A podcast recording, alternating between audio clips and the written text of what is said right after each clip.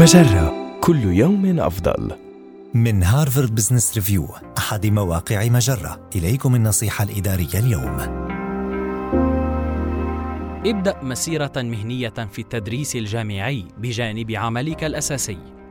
يهتم العديد من المسؤولين التنفيذيين بفكرة التدريس، إذ يعتبر العمل في منصب أستاذ جامعي مؤقت أمرا صعبا، لذا ابدأ بتحديد معارفك. أعد قائمة بالأشخاص الذين تعرفهم ويعملون في الجامعات التي ترغب في العمل بها. واعلم أن حتى العلاقات السطحية يمكنك الاستفادة منها. وإذا لم يكن لديك أي معارف، ابحث عن الأشخاص ذوي الشأن الذين يمكنك التواصل معهم كرؤساء الأقسام. بعد تحديد الأشخاص المناسبين، اكتب رسالة بريد إلكتروني للتعريف بنفسك.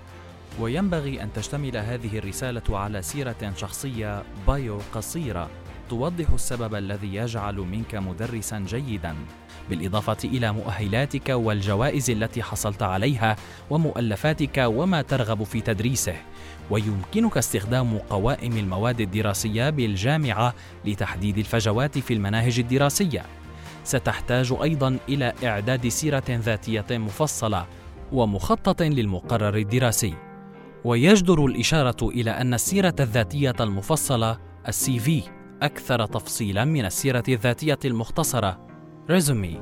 ويجب أن تكون الموضوعات التي ستتناولها مفصلة في مخطط المقرر الدراسي وكذلك الترتيب الذي ستدرسها به.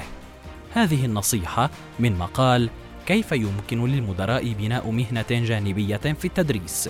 النصيحة الإدارية تأتيكم من هارفارد بزنس ريفيو أحد مواقع مجرة مصدرك الأول لأفضل محتوى عربي على الإنترنت مجرة كل يوم أفضل.